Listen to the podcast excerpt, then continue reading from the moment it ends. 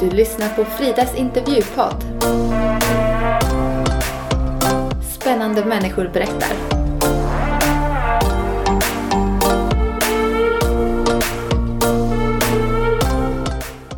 I det här poddavsnittet så ska vi få lyssna till Eva. Hon är verkligen en frisk fläkt som har nära till skratt. Vi pratar bland annat om att lyfta, något som hon gjort i större delen av sin tonårstid. Vi pratar även om hur det var när hennes son föddes tre månader för tidigt och vägde som ett smörpaket. Och om hur det var att växa upp i en familj med många barn. Så då kommer en liten Renault dånades efter vägen och så stannar mamma och pappa och klev ur. Det var bara två dörrar, inga bakdörrar. Fällde sätena och ut väller det barn. Och så öppnar de bagageluckan och ut väller det väskor på gatan. Hej Eva! Hej! Vad roligt att jag får intervjua dig. Tack att jag får komma och vara med. Ja, jättekul. Och vi spelar in den här podden ganska sent på kvällen. Eh, är du en kvällsmänniska? Ja, jag är en kvällsmänniska. Fast jag är lite trött nu. Ja, Ja. då kan det bli en extra rolig podd. ja. Eh, har du alltid varit en kvällsmänniska? Det har jag. Absolut. Jag har svårt att kliva upp på morgonen och lätt att vara uppe på kvällen. Är du som mig som får massa nya idéer och tankar och kommer igång liksom ja, jag kan ställa mig och baka klockan 10. Fast sen kan man ju komma på när man har kommit en lång bit in i bakningen att det här kanske inte var så smart. För det tar ju tid innan allt är färdigt. Just det. Ja. Och sen blir man lätt kreativ på kvällen och börjar med några nya hantverksprojekt eller något annat och så går tiden iväg. Vad spännande. Vi kan ju komma tillbaka till de här äh, små projekten du har Ja. senare. Men vem är du Eva? Jag är Eva från Jämtland. Mitten i en barnaskara av fem. Hamnade uppe i Norrbotten när jag träffade min man. Hur var det att växa upp med eh, att ni var fem syskon? Vi har ju varit en ganska spontan, halvkaotisk, öppen, eh, hjärtlig familj. Det har nog inte varit så många lugna, tysta stunder kanske i våran, vårat liv. Men det är ju roligt för man har ju alltid människor omkring sig. Ja. Sen händer ju alltid lite äventyr. När man är många också. Man blir bl- glömd ibland. För att det är så många barn att hålla reda på. Har du blivit eh, bortglömd? Jag har blivit bortglömd. Efter en middag med familjen. Vill du berätta lite hur? Då glömde de mig och när de nästan var hemma så upptäckte de att det var väldigt tyst i bilen. Och då kom de på att Eva saknades. Så då vände de och hämtade mig. Hur gammal var du? Jag tror inte jag var så gammal, kanske sex, sju år eller något. Ja. Fem, sex, jag vet inte, någonstans där omkring. Hur kändes det för dig och på andra sidan? Det, jag har faktiskt inte så mycket minne av det, så det kan inte ha varit så hemskt ändå. Nej. Nej. Men det är lite så. Vi ska ju på semester med familjen och vi är en liten Renault med sju personer, kanot på taket, massa packning. Och så inser de att alla ryms inte så mina två äldsta syskon fick börja lifta. Vi skulle åka 55 mil till stugan. Och mamma och pappa säger att ja men ni får lifta.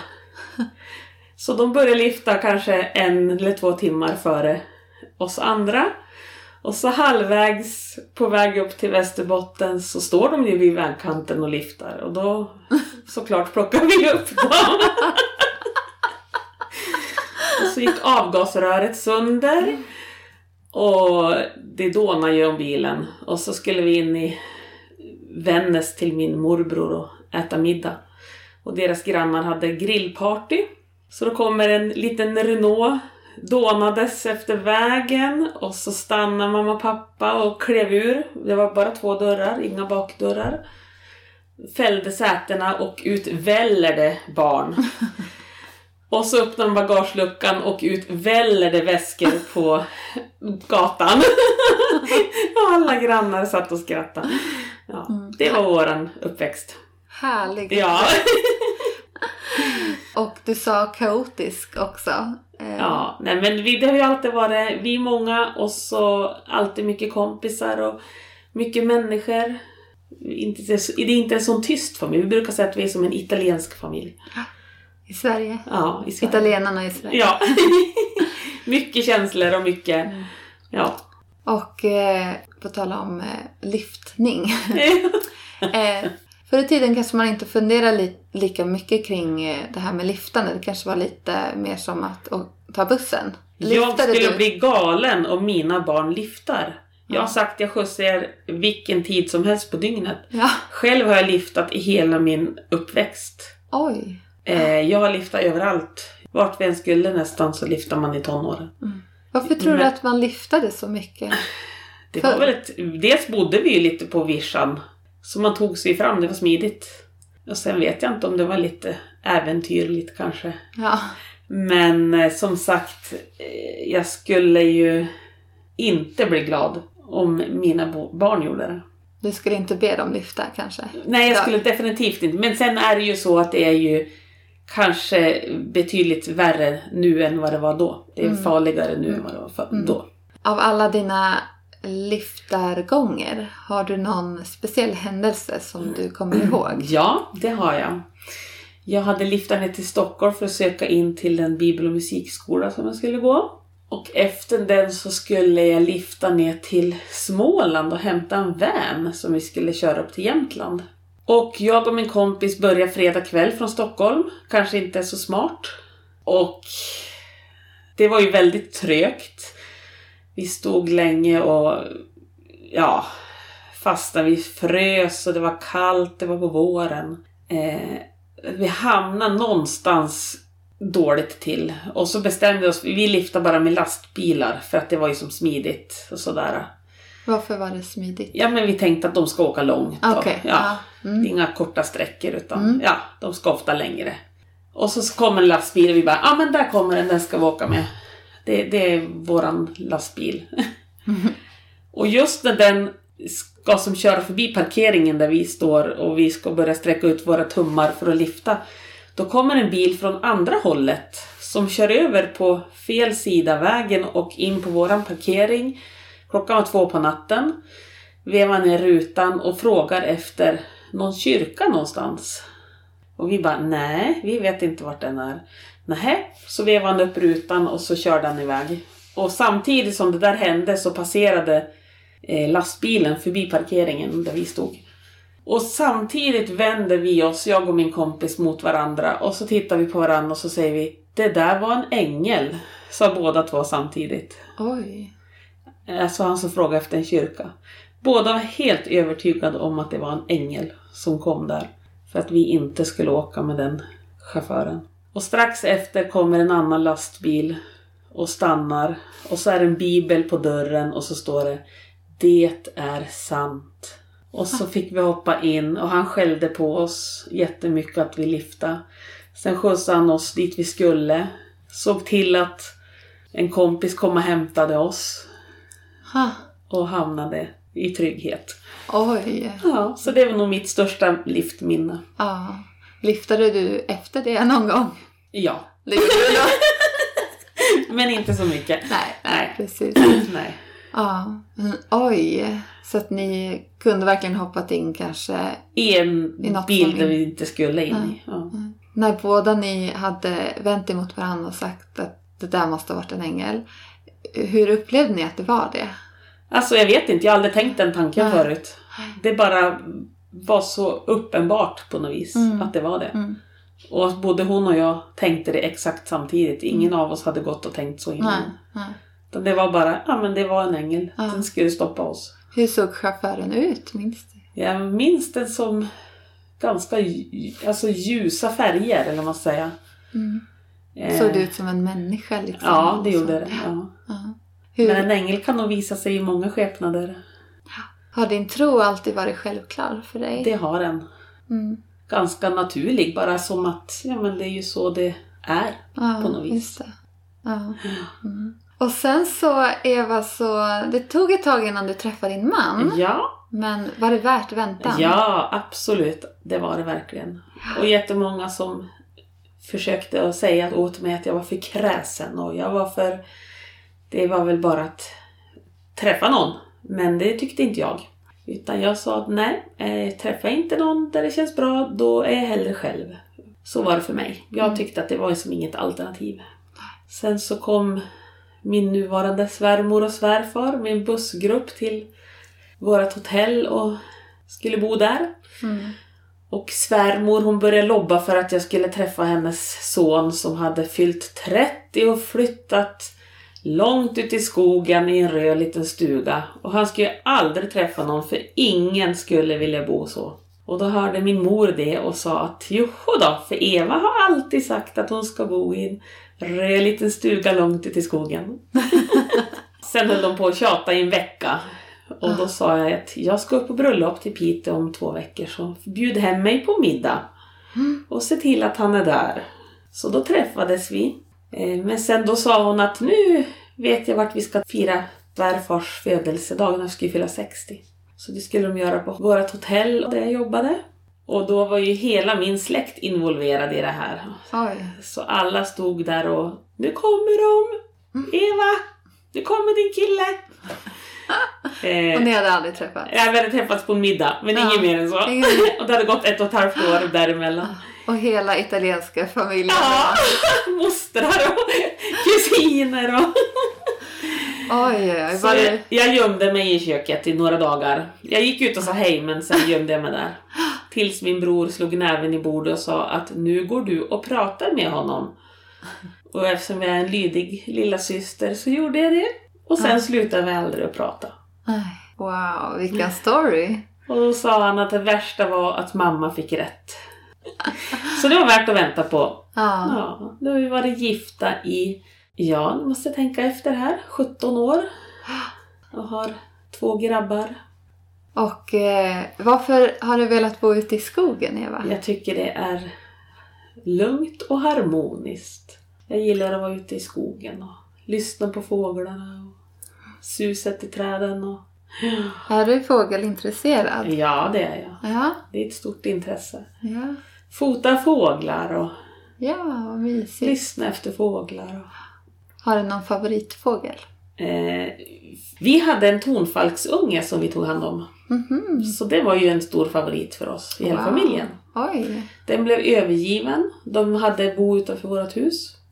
Och den blev övergiven av övriga familjemedlemmarna. Så vi tog hand om den och fick lära oss hur man skulle... Vi började att ge den lite köttfärs med pincett för vi visste ju inte riktigt hur vi skulle göra. Ah.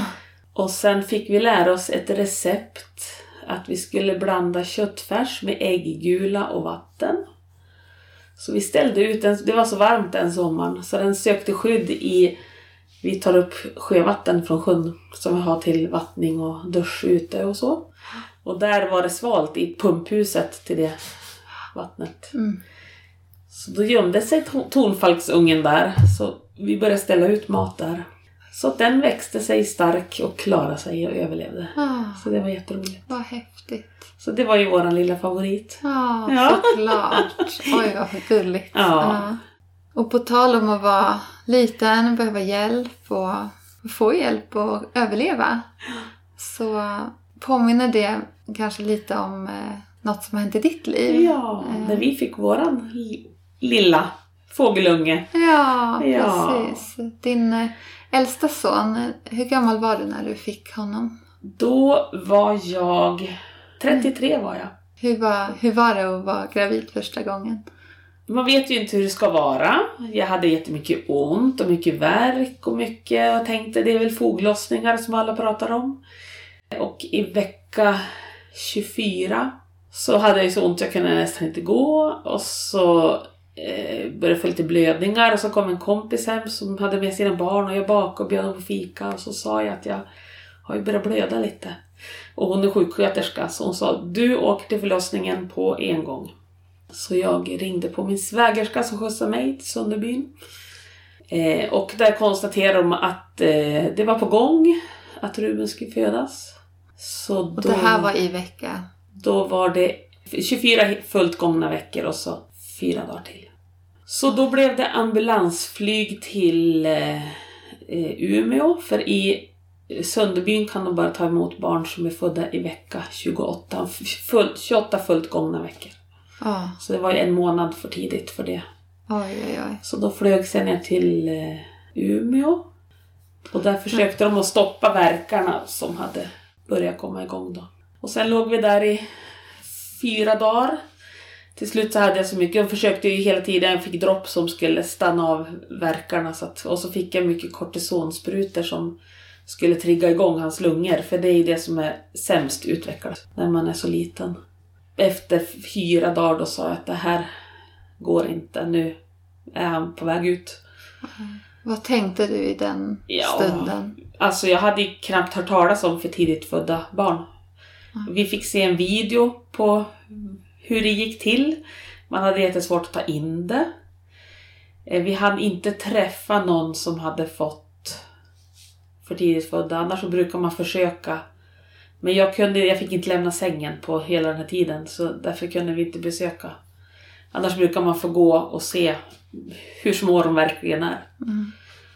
Eh, och hur det, för det är ju jättemycket slangar och mätare och apparater och kuvösen. Och, så att det blir ju en chock när man ser det där. Ja. Men han föddes fem minuter över tolv på natten. Och sen dröjde det sju timmar innan jag fick se han första gången. Oj. För då när han kom ut då kom det inspringandes fem personer och hämtade honom. Och Erik fick följa med till ett annat rum där de satte i respirator och alla mätare och en slang in genom foten som gick upp genom hela benet och hela kroppen upp till hjärtat. Oj. Som skulle förse med alla näring och blod och allt sånt som behövs. Så kopplar de massa ja, små slangar till navelsträngen. Eh, som, där de tar prover och grejer. Så det tog väldigt många timmar. Så sen när han hade kommit upp på barnintensiven då, där han låg. Då på morgonen så fick vi åka upp och träffa honom första gången. Oj. Sen var han väldigt, väldigt sjuk i fyra veckor. För även om de föds så tidigt och är så små, han vägde 800 gram när han föddes. Sen så var han så sjuk så han gick ner till ungefär 600 gram. Det är ju som ett Bregottpaket. Oj, oj, oj. Eh, och även om de är så små så brukar man få hålla dem på bröstet så att de ska få känna närhet. För att de mår väldigt mycket bättre av det. Men han var för sjuk för det. Mm. Så det tog fyra veckor innan jag fick hålla honom första gången. Fyra hela Ja. veckor. Ja. Vi fick hålla in så han fick hålla hand, sin hand runt våra finger. Ja. Och när han höll sin hand runt fingret då rymdes alla hans naglar på min tumnagel. Så det var ju, de var så små hans fingrar. Med den beskrivningen så förstår man ju hur otroligt liten han var när han föddes. det? Ja. Kom han ut fort då? Han kom ut jättefort. Mm. Hon fick ta lyra. Ja. Ja. Oj, oj, oj. oj, oj. ja. Men hur mår man då som... Eh, man Ny har ju mamma. svårt att ta in det. Det är Ja. ju helt galet. Han har fötts och han blir bara bortburen Ja. och så ska man... Mm. Ja, det är ju jättesvårt att ta in det. Ja. Och sen så... Och du fick ligga kvar där? Ja, jag skulle sys för de jag är tvungen att klippa upp så att det inte det får inte stanna av när det är en sån här för tidigt född. För det är så mycket som kan hända. Mm. Så jag fick ligga där och bli omhändertagen länge. Och lilla Ruben då, vad hände med honom sen? Ja, då kom han upp på avdelningen och då fick vi veta dagen efter att han hade blivit lite piggare och de hade tagit bort respiratorn. Och han hade CPAP heter det, som hjälper till att andas men han, han själv måste ta initiativen till andetagen. I en respirator så sköter respiratorn andetagen. Eh, men sen vart han jättedålig dagen efter och fick en akut lungblödning som gjorde att han var jätte, jätte, jättesjuk. Så att då fick de lägga ner respirator igen. Och fick till slut stopp på själva blödningen men han var ju jättedålig. Och efter det så vart det läckage i lungan. I eh, vänster lunga vart det läckage. Oj, oj, oj. Och den lungan blev så stor för det blir läckage ut i lungsäcken så då töjs lungsäcken ut så mycket. Så vänster, när höger lunga blev helt ihopplattad som en pannkaka. Och hjärtat vart flyttat till höger sida. Så man har, när man ser på röntgenbilderna, Oj. vi har en sån bild hemma. Då ser man hjärtat på fel sida, en lunga helt ihop tryckt och så den andra jättestor. Men med hjälp. Och då satte de in eh, dränageslangar. De säger vuxna som har haft det, som har punkterat lungan, säger att det gör jätte, jätteont. För det är som en liten, liten dammsugare som suger ut luft hela tiden ur lungsäcken. Oj. Och då satte de två sådana här dränage eh, på han och det är ju Ja, det är ju så, det är så litet så man Ja. förstår inte hur det går till. Och sen så var de även tvungna att sätta ett tredje fast de sa att de egentligen inte kunde göra det. Men sen så fick de även göra ett, vi hade världens underbaraste läkare som tog hand om, det hade ju många underbara men en han kom direkt, det var akut. Släckte rummet, lyste med en röd lampa på bröstkorgen och såg precis vart det var luftfickor. Mhm. Någon gång stack de in en nål och drog ut luften med nålen. Oj. Men han byggde även ett specialdränage. Så totalt samtidigt hade han fyra dränage som sög ur luften. Och så fick de flytta några gånger så han fick ju som ärrvävnad där. Men det har läkt ihop. Han har fina bra lungor nu. Ja. Ja, Men tänk att man kan göra så mycket på en så liten. ja det är Ja. helt galet. Ja. Hur, hur kunde ni liksom eh, gosa med honom eller hälsa på honom? Ja, vi satt där ju hela dagarna. Och vi satt, antingen fick han hålla fingret runt vårat, eller handen runt vårt finger. Eller så fick vi lägga handen på, vi fick inte stryka. För de har så mycket ytliga, huden är så tunn så det blir nästan tortyr om man ska stryka på dem. Mm. För nerverna är så känsliga. Mm. Så man fick lägga handen försiktigt på. Sen satt jag och sjöng in i kuvösen halva dagarna. Ja. Ja. Mm. Var du orolig någon gång att han inte skulle överleva? Ja, det var ju jättemycket sorg och oro och allt sånt. Men de sa direkt han föddes att han kommer att klara sig för de såg att han hade sån kämparglöd. Det syntes som på honom. Jag, syn- jag såg det på honom. Ja. Wow. Hur tänker du då när, när du har fått vara med om det här utan den här erfarenheten innan?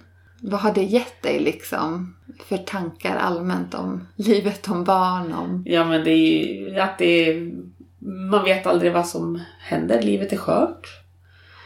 Eh, förut var vi som, ja men det går ju bra med en graviditet men det är ju väldigt skört. Oftast går det ju bra. Men Mm, jag har ju varit med om tvärtom. mm, Så man var ju lite nervös. Vi ville ju ha syskon. Men eh, då var det att eh, vi fick ju jättemycket undersökningar under tiden. Och Axel höll ju också på att kicka igång där i vecka 20. oj. Men med hjälp av antibiotika så stannade han kvar hela tiden. Så det var tur att det gick att göra så. Mm. Sen då, när fick ni ta hem honom? Då var vi var i Umeå i sju veckor. Så flögs vi till Sunderbyn där vi fick vara. Så att man kan säga att vi var, han skulle födas mitt i sommaren och vi fick han på våren. Så Oj. tre och en halv månad för tidigt var han född. Och ungefär den tiden får man vara på sjukhuset. Mm. Så man får som räkna med att åtminstone den tiden. Mm. En del har längre tid och en del kortare. Men för oss var det ganska precis. Mm. Den tiden han egentligen skulle vara kvar i Ja, magen då? exakt. Ja. För det är, allt ska ju som komma igång med Ja men bara det att få När han åt, när han var som sjukast så Vi matar med Det finns ju fantastiska människor som får mycket modersmjölk och donerar det. Så det är fantastiskt. För som jag i en sån stressig situation så fick inte jag igång någon mjölk. Men då får man från andra som Ah. har kunnat ge mjölk. Och när han var som sjukast då fick vi ge han en milliliter. Oj, det är lite. Det är ja, ett kryddmått. Oj. En tesked är 5 milliliter. Så om man tänker en Oj. milliliter. Och det skulle ta 20 minuter att spruta in via sonden i näsan. Så sprutan var jättesmal. Så man fick spruta i lite grann. Så det är liksom bara knappt en droppe i taget som ska sprutas in. Mm. Men när vi kom hem sen då hade ju allt kommit igång, allt funkar bra. Han hade kvar sonden men vi behövde inte ha den så jättelänge för sen började han äta själv. Mm. Eller äta utanför. Äta helt själv. ja. Han växte snabbt. Ja. Var det svårt att hitta babykläder för en så liten? ja, det var det. Ja, det finns ju att köpa prematurkläder men de var ju alldeles på tok för stora. Ja. Men då min kära syster som designar kläder, hon gjorde ett, en insats Mm. och, och gjorde små söta som minidockkläder. Ja. Som var gjord så att vi skulle kunna sätta på dem trots alla slangar och så. Så de var väldigt specialdesignade. Vad häftigt att ha en sån syster. Ja, det var jättekul. Ja. Så han var ju riktigt trendigt klädd. Specialsytt Ja. liksom. ja, vad häftigt. Fick du träffa andra mammor som var i samma situation som Ja, dig? men vi lärde känna ganska många där och hade kontakt. Nu är det inte så, några har vi kontakt med fortfarande. Man, man kommer varandra nära där för alla går igenom samma sak. Det är så bra att ha andra som förstår vad man går igenom. Ja. Ja.